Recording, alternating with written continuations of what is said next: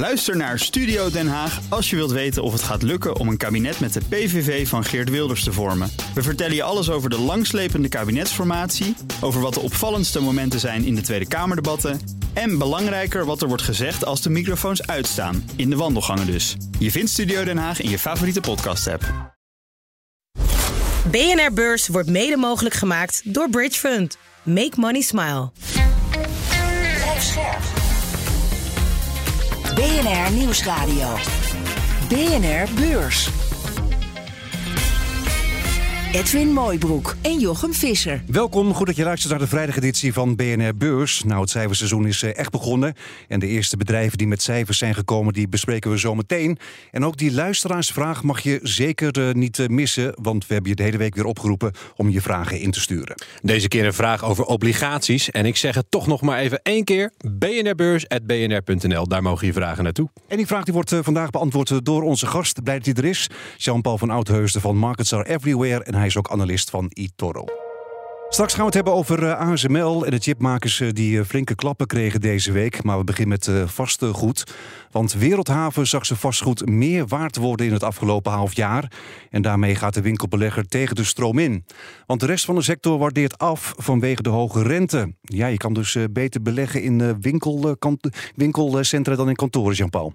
Dat is het afgelopen jaar wel zo gebleken. Ze hebben de, de inflatie goed weten door te geven aan de huurders. Daarnaast nog wat kosten weten te besparen besparen. Dus in die zin was het een eh, goed jaar voor Wereldhaven. Ja, maar de andere winkelbeleggers hebben moeten afboeken, schrijft het eh, FD. Waarom Wereldhaven dan niet? Ja, omdat ze toch in die grote winkelcentra zitten. Daar zitten heel veel winkels eh, voor je dagelijkse behoeften, zeg maar, of speciaalzaken. Uh, dat geven ze in ieder geval zelf aan. En dat, ja, daar zien ze toch uh, minder terugloop.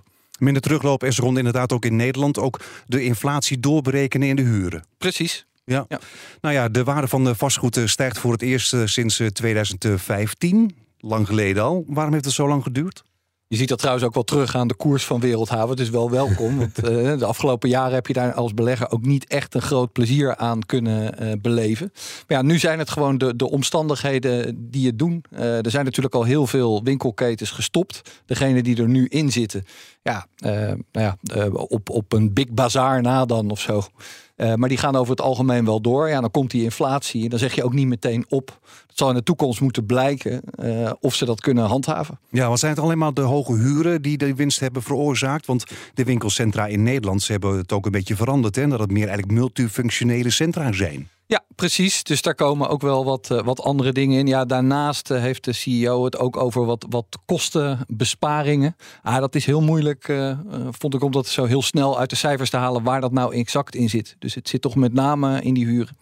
Ja, en die huurinkomsten die stegen met 12,3% in het eerste kwartaal. Of eerste half jaar moet ik zeggen. Vooral vanwege inflatie. Maar ja, vanwege inflatie raak je dat dan ook weer kwijt aan hogere kosten en dergelijke. Nou ja, het geld krijg je eh, gewoon binnen. Maar daarnaast gaat het natuurlijk ook om de waardering van de portefeuille. Ja. En als je panden hebt waar je een hogere huur voor mag vragen, ja, dan wordt dat ook meer waard. En dat zie je dan ook terug in, in de koers van het bedrijfstotaal natuurlijk. Ja. En zijn het alleen die hoge huren waardoor de winkelcentra in Nederland het beter doen? Nou, dat is volgens mij wel de, de grootste opvallende post in het resultaat van wat we vandaag gelezen hebben. Helder. En uh, elke vastgoedbelegger die zit nu te kijken wanneer de leningen aflopen natuurlijk. Uh, want dan schiet je rentelasten omhoog als je die moet oversluiten. Krijgt Wereldhaven daar later wel last van? Ik heb daar in alle eerlijkheid op dit moment geen inzicht in. Zo goed zit ik niet in hun exacte portefeuille. maar dat is zeker een factor om rekening mee te houden. Ze zullen het je ook niet graag willen vertellen. Nou, gaan we eens even kijken naar de Beter Bet. Want die komen vandaag uh, ja, voor de laatste keer eigenlijk uh, met, uh, met cijfers. Het bedrijf gaat binnenkort van de beurs af. Maar zwaait nog wel eventjes naar de beleggers. Want de omzet steeg en de bruto winst kwam zelfs met een kwart hoger uit. Hoe kan dat? Ja, je hebt daar natuurlijk een beetje een andere dynamiek. Hè? Er ligt een mooi overnamebod. Er is duidelijk meer betaald dan de beurskoers. Dat is natuurlijk ook wel sympathiek als je dan ook nog goede cijfers laat zien. Dat ook een beetje recht doet aan het bod wat net gedaan is. Uh, nou ja, nee, ze zijn er blijkbaar hebben ze er, zijn ze erin geslaagd om de producten toch uh, beter dan verwacht, misschien wel aan de man te brengen. Maar ja, wat je zegt, uh, we zwaaien ze uit. Het is de laatste keer. Dus ja, in die zin kan je er als belegger ook niet zo heel veel meer mee. Ja, maar ik dacht toch eigenlijk dat we steeds minder dingen kopen eigenlijk. Dat hebben we tijdens de coronacrisis een beetje gehad. En nu voornamelijk diensten. Maar blijkbaar kopen we nog steeds bedden en matrassen. Ja, blijkbaar. Uh, een eerste levensbehoefte. Je ziet dat wel een beetje terug. Hè, dat Uh, we hebben het dan wel over de economie heeft het moeilijk en uh, een beetje een macro-economische tegenwind door de hoge rente. Maar als je kijkt gewoon de werkgelegenheid, uh, die is gewoon nog steeds heel erg goed. De werkloosheid is historisch laag. Zolang mensen hun baan niet kwijtraken, ja, kunnen ze toch gewoon in ieder geval nog dingen blijven kopen. Daar horen matrassen en bedden waarschijnlijk dan ook heel goed bij. Ja, ze gaan nu wel van de beurs af. Je zegt van ja, het is misschien een beetje mosterd naar de maaltijd voor de belegger. Of kan je hier nog even van profiteren? Nee, dit, uh, dit bot moet je gewoon vanuit gaan dat dat gestand wordt gedaan. Uh, en dan is daar niks meer uh, te halen. Ik zou daar niet naar kijken, nee. Nee, oké. Okay. Maar is het niet een beetje maf om uh, Beter Bed zo uit te zwaaien met deze mooie resultaten? Nou ja, ik, ik denk dat ze eigenlijk gewoon verder gaan op dezelfde weg. Alleen in een andere aandeelhouderstructuur. Uh, dus in die zin is het voor het bedrijf denk ik prima. Ja, en als beleggers hebben nog genoeg andere aandelen om ook naar te kijken. Oké, okay, nou Jochem, het is nu tijd voor... BNR Beurs. De luisteraarsvraag. En die komt van Don Kuipers. Helaas geschreven en niet opgenomen. Maar daar doen we niet moeilijk over. Don ziet de rente stijgen. En hij wil weten natuurlijk of obligaties dan niet een goed idee worden. Jean-Paul, wij praten altijd maar over aandelen. Dat schrijft Don ook. Zou nu een goed moment zijn om wat meer met obligaties te doen? Ja, het is een vraag die uh, elke week vaker, steeds vaker wordt uh, gesteld. Obligaties doen het natuurlijk qua koers uh, goed als de rente gaat dalen.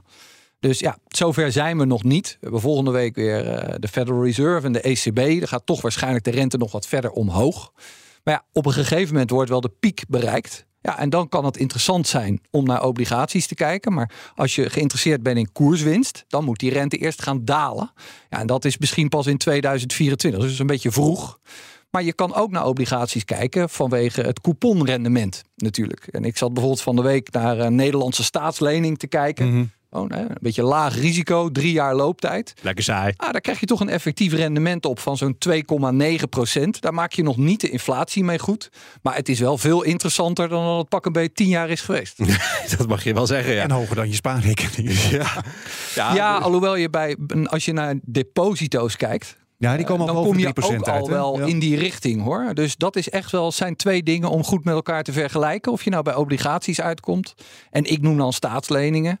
Uh, je kan natuurlijk ook naar bedrijfsleningen kijken. Het jammere is dat heel veel van die obligaties in van die hele grote coupures gaan. Dus uh, er zitten erbij dat je denkt, oh, die is wel leuk. En dan moet je 100.000 euro inleggen of zo. Dus je moet daar ook echt goed op letten uh, als beginnende belegger. Dat je kijkt naar degene die voor nou, 1000, 2000 verhandelbaar zijn. Dan vallen er helaas een heleboel af. En Don die noemt in zijn vraag ook vanwege die uh, hoge rentes. De Roemeense staatsobligatie met een effectief rendement schrijft hij van 8%. Lekker hoog. Maar ja, dat heeft natuurlijk ook een reden, die hoge rente, of niet? Ja, dat begrijp ik dan weer niet. Als iemand zegt, goh, ik, ik stap 1. Ik weet nog niks van obligaties. Ik ga er eens naar kijken. En dan meteen naar Roemenië. Ik denk dan meteen terug aan de eurocrisis van 2011. Toen zaten zelfs de grote instituten in, in obligaties. IJsland, ja. ja, in IJsland, maar ook gewoon in obligaties van Griekenland. Weet je dat nog? Uh, kijk, Roemenië, het is, het is, niet zo dat dat nou op omvallen staat, maar de kredietwaardigheid van Roemenië is wel heel duidelijk veel lager dan bijvoorbeeld van Nederland. Uh, dus daar moet je je dan eerst weer in verdiepen, is dan het goede antwoord. Of die 8% die je ervoor krijgt wel in verhouding staat tot het risico.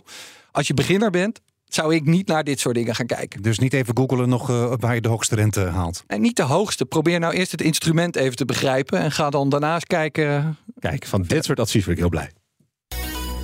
De hele week lieten we analisten zelf een aandeel meenemen. We hadden een databedrijf dat voor Heineken werkt. Het ging over een grote maar onbekende streamer. En er kwam een investeringsfonds ter sprake. En zometeen heeft Jean-Paul ook een aandeel meegenomen. We gaan eens even kijken wat het afgelopen week allemaal gebeurde op de beurs. Zo stond het kleine TomTom. De cijfers waren beter dan verwacht. En de jaarprognose gaat ook omhoog. En ook de week waarin Microsoft langere tijd kreeg om Activision Blizzard over te nemen. Vandaag laat Activision samen met Microsoft weten dat de deadline voor die overname inderdaad wordt opgeschoven naar 18 oktober. Het was ook de week waarin bleek dat het herstel van de Chinese economie tegen bleek te vallen. En Zuid-Koreaanse pubers de shortsellers versloegen. Maar er gebeurde meer deze week. En dan heb ik het natuurlijk over kwartaalcijfers. We lopen ze nog een keer na met Jean-Paul om het beste nieuws eruit te trekken. Ja, laten we eens even beginnen met de ASML. De omzet en de winst stegen in het tweede kwartaal met de dubbele cijfers. De omzetgroei in China viel daarbij vooral op. Er werd flink gehamsterd, want zolang het nog kan, hè?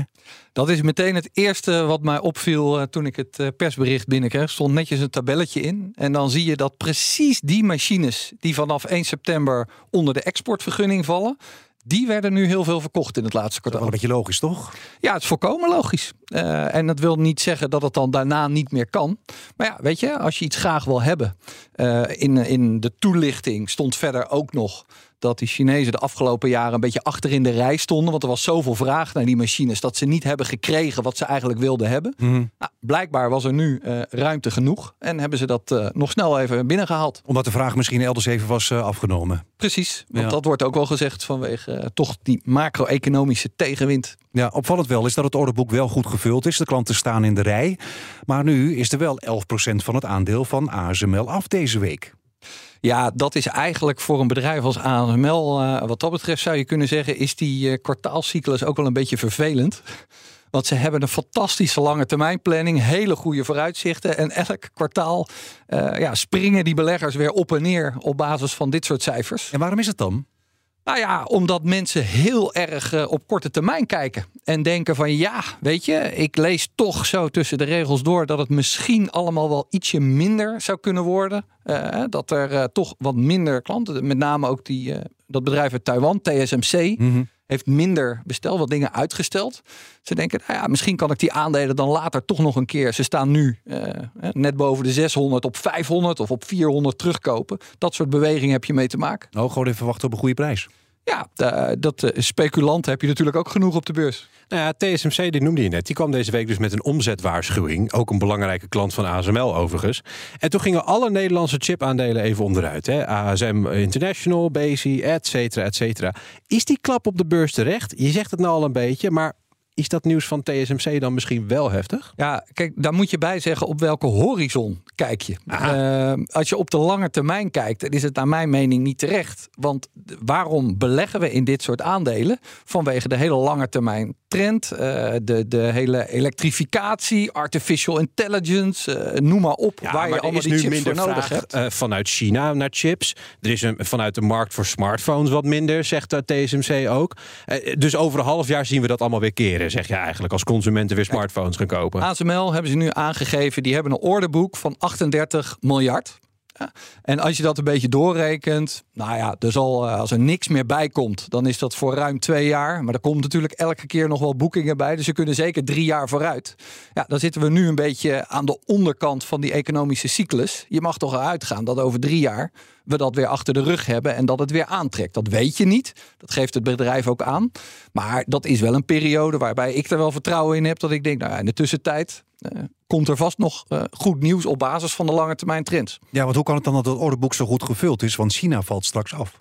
Omdat er heel veel van die nieuwe fabrieken eh, gebouwd worden. Ja, er zijn, eh, dat hebben ze ook op de Investor Day eh, van vorig jaar aangegeven. Dat er voor zo'n 300 miljard dollar nieuwe fabrieken eh, gepland staan. Nou, daar moeten eh, zowel die hele hippe nieuwe machines in, maar ook degene eh, die al wat langer meegaan. Ja, en die heeft eh, ASML eh, kunnen ze leveren. Die moeten ze allemaal nog maken. Eh, en daarmee bestaat het orderboek uit. Ook de grote Amerikaanse banken die kwamen met cijfers deze week. Morgan Stanley, Bank of America, Goldman Sachs ze waren er allemaal bij. Het refrein was: geld uitlenen verdient goed, fusies en overnames verdient minder goed. Maar Jean-Paul, is het ook echt zo simpel? Stel ik het dan goed voor? Ja, het is precies zo simpel. dus het is eh, moeilijker moeten we het niet maken, Jochem.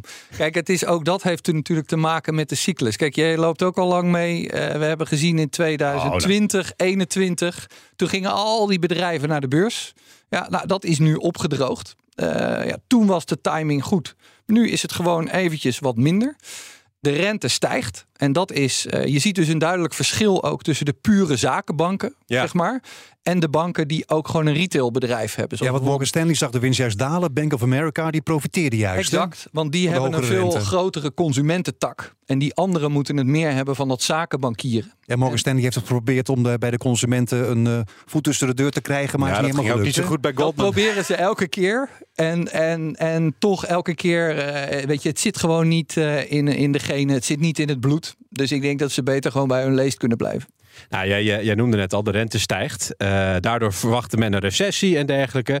Maar ja, die is nog niet echt te zien in de bankencijfers. Ik zag wel oplopende wanbetalingen bij creditcards en, en wat andere leningen. Maak je je daar al zorgen over? Want ik zie ook dat de topmannen van de banken daar ook wel kort over praten in de berichten. Kijk, er zijn twee dingen. Het eerste waar je op let is uh, de rentemarge die die banken maken. En uh, wat je ziet is dat ze op de leningen al snel meer zijn gaan vragen. Ja. Maar op de spaarrekeningen niet een hogere rente uitbetaalden. En wat je nu ziet in al die cijfers, is dat die banken zeggen: ja, die klanten nemen geen genoegen meer met die lage rente. Ze, ze zijn op zoek naar hoger renderende alternatieven, ook zakelijke klanten. En dat maakt de rentemarge wat kleiner. En dat is eigenlijk het belangrijkste effect. Die wanbetalingen, ja, die zijn er wel. Iedereen, dat lees je bij al die kwartaalcijfers. Iedereen uh, denkt van ja, misschien komen we toch nog in een recessie. Misschien een kleine, misschien aan het einde van het jaar, misschien begin volgende. Maar het is er nog niet op grote schaal. Dus ze maken er wel voorzieningen voor. Maar ja, dat zal toch moeten blijken hoe heet de soep nou echt gegeten wordt. Dan nog even de dalers die desondanks positief nieuws te melden hadden. Beginnen we even met Netflix. Zag er 6 miljoen abonnees bijkomen, maar toch ook dit aandeel werd flink afgestraft. Ja, ik denk eigenlijk voor mijn gevoel dat het toch een beetje is uh, omdat het al heel hard opgelopen was dit jaar. Dus dat dat winstnemingen uh, zijn. Want die cijfers, ja, Netflix uh, steekt er echt wel bovenuit bij de streamingdiensten. Ze hebben twee initiatieven lopen.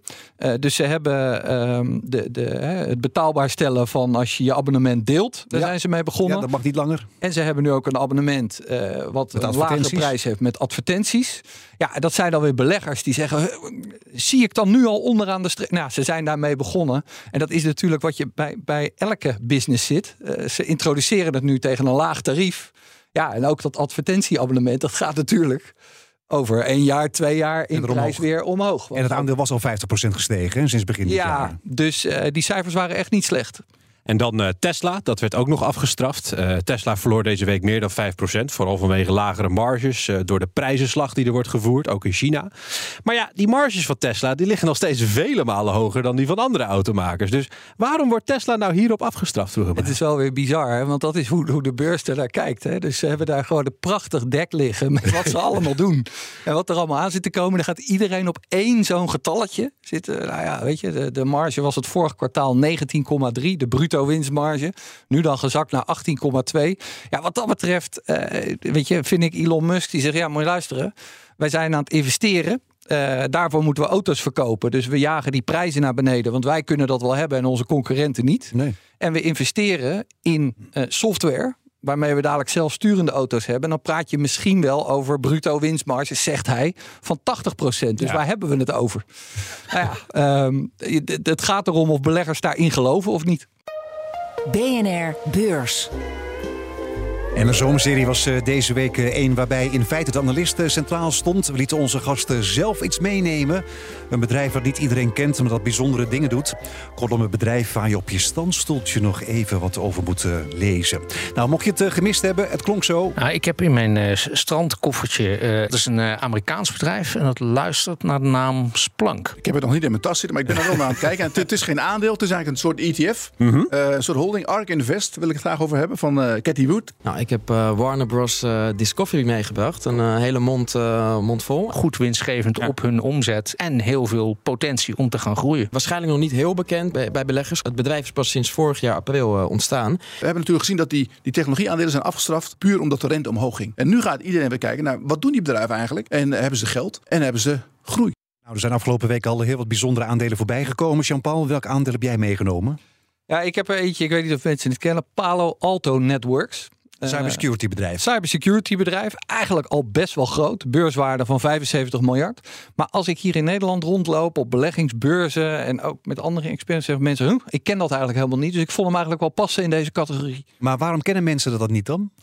Ik heb geen idee. Uh, omdat ze weinig naar die sector kijken. Misschien omdat we er geen beursgenoteerde Nederlandse bedrijven hebben zitten. En het is natuurlijk een beetje een saai aandeel. Maar ja, dat is soms ook wel prettig om dat erbij te hebben. Zeker als ze hard groeien. Maar waarom is het zo'n saai aandeel dan? Want de cybersecurity is heel belangrijk. Ja, het is heel belangrijk. Maar het is echt zo'n business van lange contracten.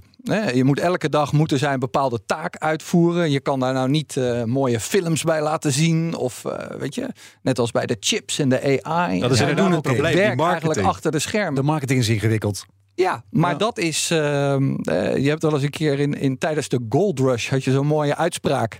Van eh, als, als mensen op zoek zijn naar goud, moet jij eigenlijk de pikhouwelen verkopen. Ja, want dan maakt het niet uit wie er wint. En daar zit Palo Alto, wat mij betreft, ook.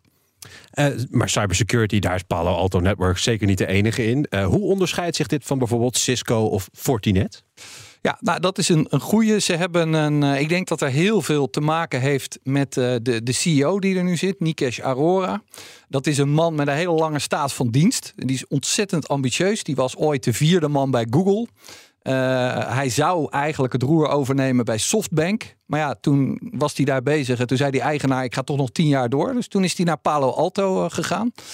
En um, hij heeft de visie eigenlijk, het was altijd zo in cybersecurity, voor elk onderdeel dat je wil beveiligen, is een aparte specialist. En hij heeft gezegd, ik ga zorgen dat ik one-stop shop maak.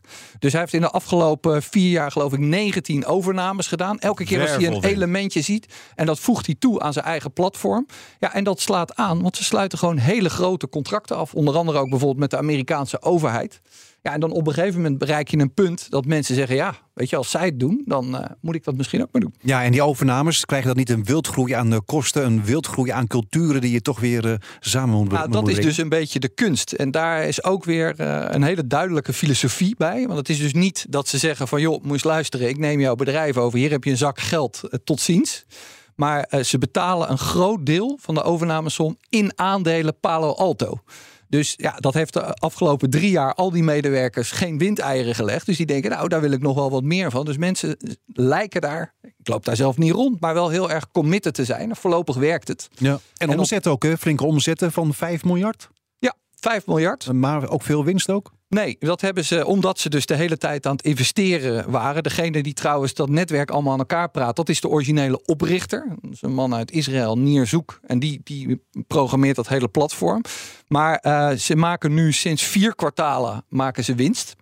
Um, ja, dat kan nu omdat er nu zoveel cashflow binnenkomt, dat ze dat ook uh, kunnen doen. En dat heeft opgeleverd dat ze een maand geleden uh, nu ook zijn opgenomen in de S&P 500-index. Wat ook dat aandeel weer een extra zetje heeft uh, gegeven. Nou, jij houdt het aandeel nog wel even in de gaten. Wat zijn nou eigenlijk de risico's die zo'n bedrijf loopt? Waar knalt de koers omlaag van hierbij? Nou, kijk, als je daar goed over nadenkt, en daarom heb ik hem ook genoemd. Uh, kijk, zo'n cyber. Iedereen heeft de mond vol over digitalisering. Eh, de big tech bedrijven, alle bedrijven, maar nog lang niet iedereen is al helemaal over naar de cloud. En er zitten nog veel meer diensten aan te komen. Ja, het ergste wat dan kan gebeuren, is dat je de sleutels van je bedrijf kwijtraakt omdat er een hacker binnen is. Dus dat probleem lossen zij op. Dus ja. het is ook niet iets waar je heel snel op bezuinigt. Waar zit het grootste risico wat mij betreft? Ja, dat er toch ergens iemand door die beveiliging heen weet te prikken. Ja, en um, nou ja, daarom is het ook wel een idee om in die sector een beetje te spreiden. Fortinet noemde je, is ook een hele goeie. Mm -hmm. Ja, maar je moet... Ja, de, Jij hebt ze allebei, toch? Ja, naast elkaar met het idee als er dan één een fout maakt. Dan uh, neemt de ander het wel over. Ja, maar dat geldt dus niet voor alle bedrijven in die sector. Maar die twee springen er voor mij wel echt uit. Samen met de cybersecurity divisie van Microsoft. Maar ja, dat is niet een aparte uh, belegging. nou, dat was hem bijna. Laten we even gaan kijken naar uh, volgende week. Wat er maandag op de agenda staat. Naast Vodafone en Ryanair is het deze dag de beurt aan Philips. Na een goed eerste kwartaal en een koopadvies van Goldman Sachs zat Philips weer voorzichtig in de lift. Maar wat blijft er over van dat optimisme nu er meer dan 500 schadeclaims worden ingediend door Amerikaanse gedupeerden vanwege de slaapapneu-affaire? Bij de presentatie van het eerste kwartaal ging het nog om zo'n 400 zaken. Ook KPN opent de boeken en dat telecombedrijf doet het de afgelopen kwartalen goed. Jarenlang was er sprake van krimp, maar sinds een tijd is er weer sprake van groei. Ook in het eerste kwartaal van dit jaar. Grote vraag is of het bedrijf ook in het tweede kwartaal de omzet zag stijgen. Dat is allemaal uh, volgende week. Nou, dat was hem uh, voor vandaag. Jean-Paul van Oudheusden van de Markets Are Everywhere en analist bij eToro. Dankjewel. Graag gedaan. En dan zeggen wij uh, tot volgende week. Tot volgende week. BNR Beurs wordt mede mogelijk gemaakt door Bridge Fund. Make money smile. Ook Hugo Reitsma vind je in de BNR-app. Superhandig die BNR-app. Je kunt alle programma's live luisteren, breaking nieuwsmeldingen. Je blijft op de hoogte van het laatste zakelijke nieuws. En je vindt er alle BNR-podcasts, waaronder natuurlijk de belangrijkste, Boeken zijn in de wijk. Download nu de gratis BNR-app en blijf scherp.